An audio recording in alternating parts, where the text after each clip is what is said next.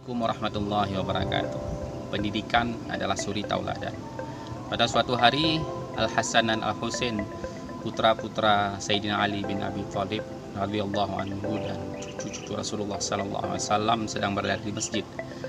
Pada saat itu beliau berdua melihat seorang orang tua sedang berwudhu lalu sholat. Beliau merasa bahwa sholat orang tua tersebut kurang sempurna hingga timbul inisiatif di antara beliau ingin meluruskan dan memperbaiki wudhu dan sholat tersebut.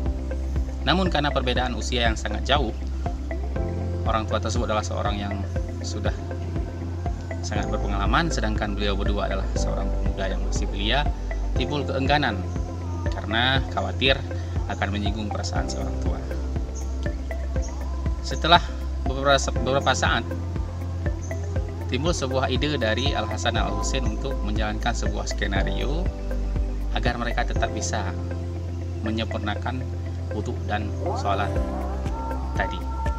Mereka berdua pun mulai menjalankan skenario nya dengan berdebat dengan suara keras sehingga mengundang perhatian si orang tua.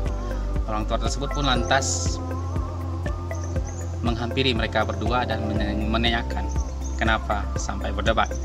Mulailah Al Hasan Al Husain bercerita bahwa kami berdua sama-sama mengklaim bahwa wudhu dan sholat kami adalah yang paling sempurna. Maukah anda menjadi hakim di antara kami berdua sehingga akan jelas wudhu siapa, wudhu dan sholat siapakah yang paling sempurna? Orang tua setuju dan mulailah dijalankan skenario tersebut.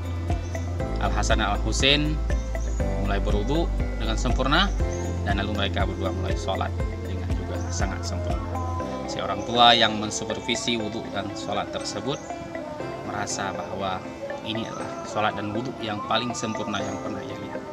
Dan tas selanjutnya ia pun mengoreksi dan mengevaluasi wudhu dan sholatnya tadi. Ia pun akhirnya sadar ternyata ini adalah rencana para pemuda tersebut untuk meluruskan kecacatan di wudhu dan sholatnya. Ia pun lantas memanggil mereka berdua dan menyatakan, alangkah baik dan sempurnanya wudhu dan sholat kalian berdua. Dan alangkah baiknya cara kalian membimbingku dan mengguruiku sehingga aku pun sadar bahwa ternyata kalian sedang mengguruiku. Terima kasih banyak dan semoga Allah memberkahi kalian berdua. The young men are happy, the old men learn the lesson. Billahi taufik wal hidayah. Assalamualaikum warahmatullahi wabarakatuh.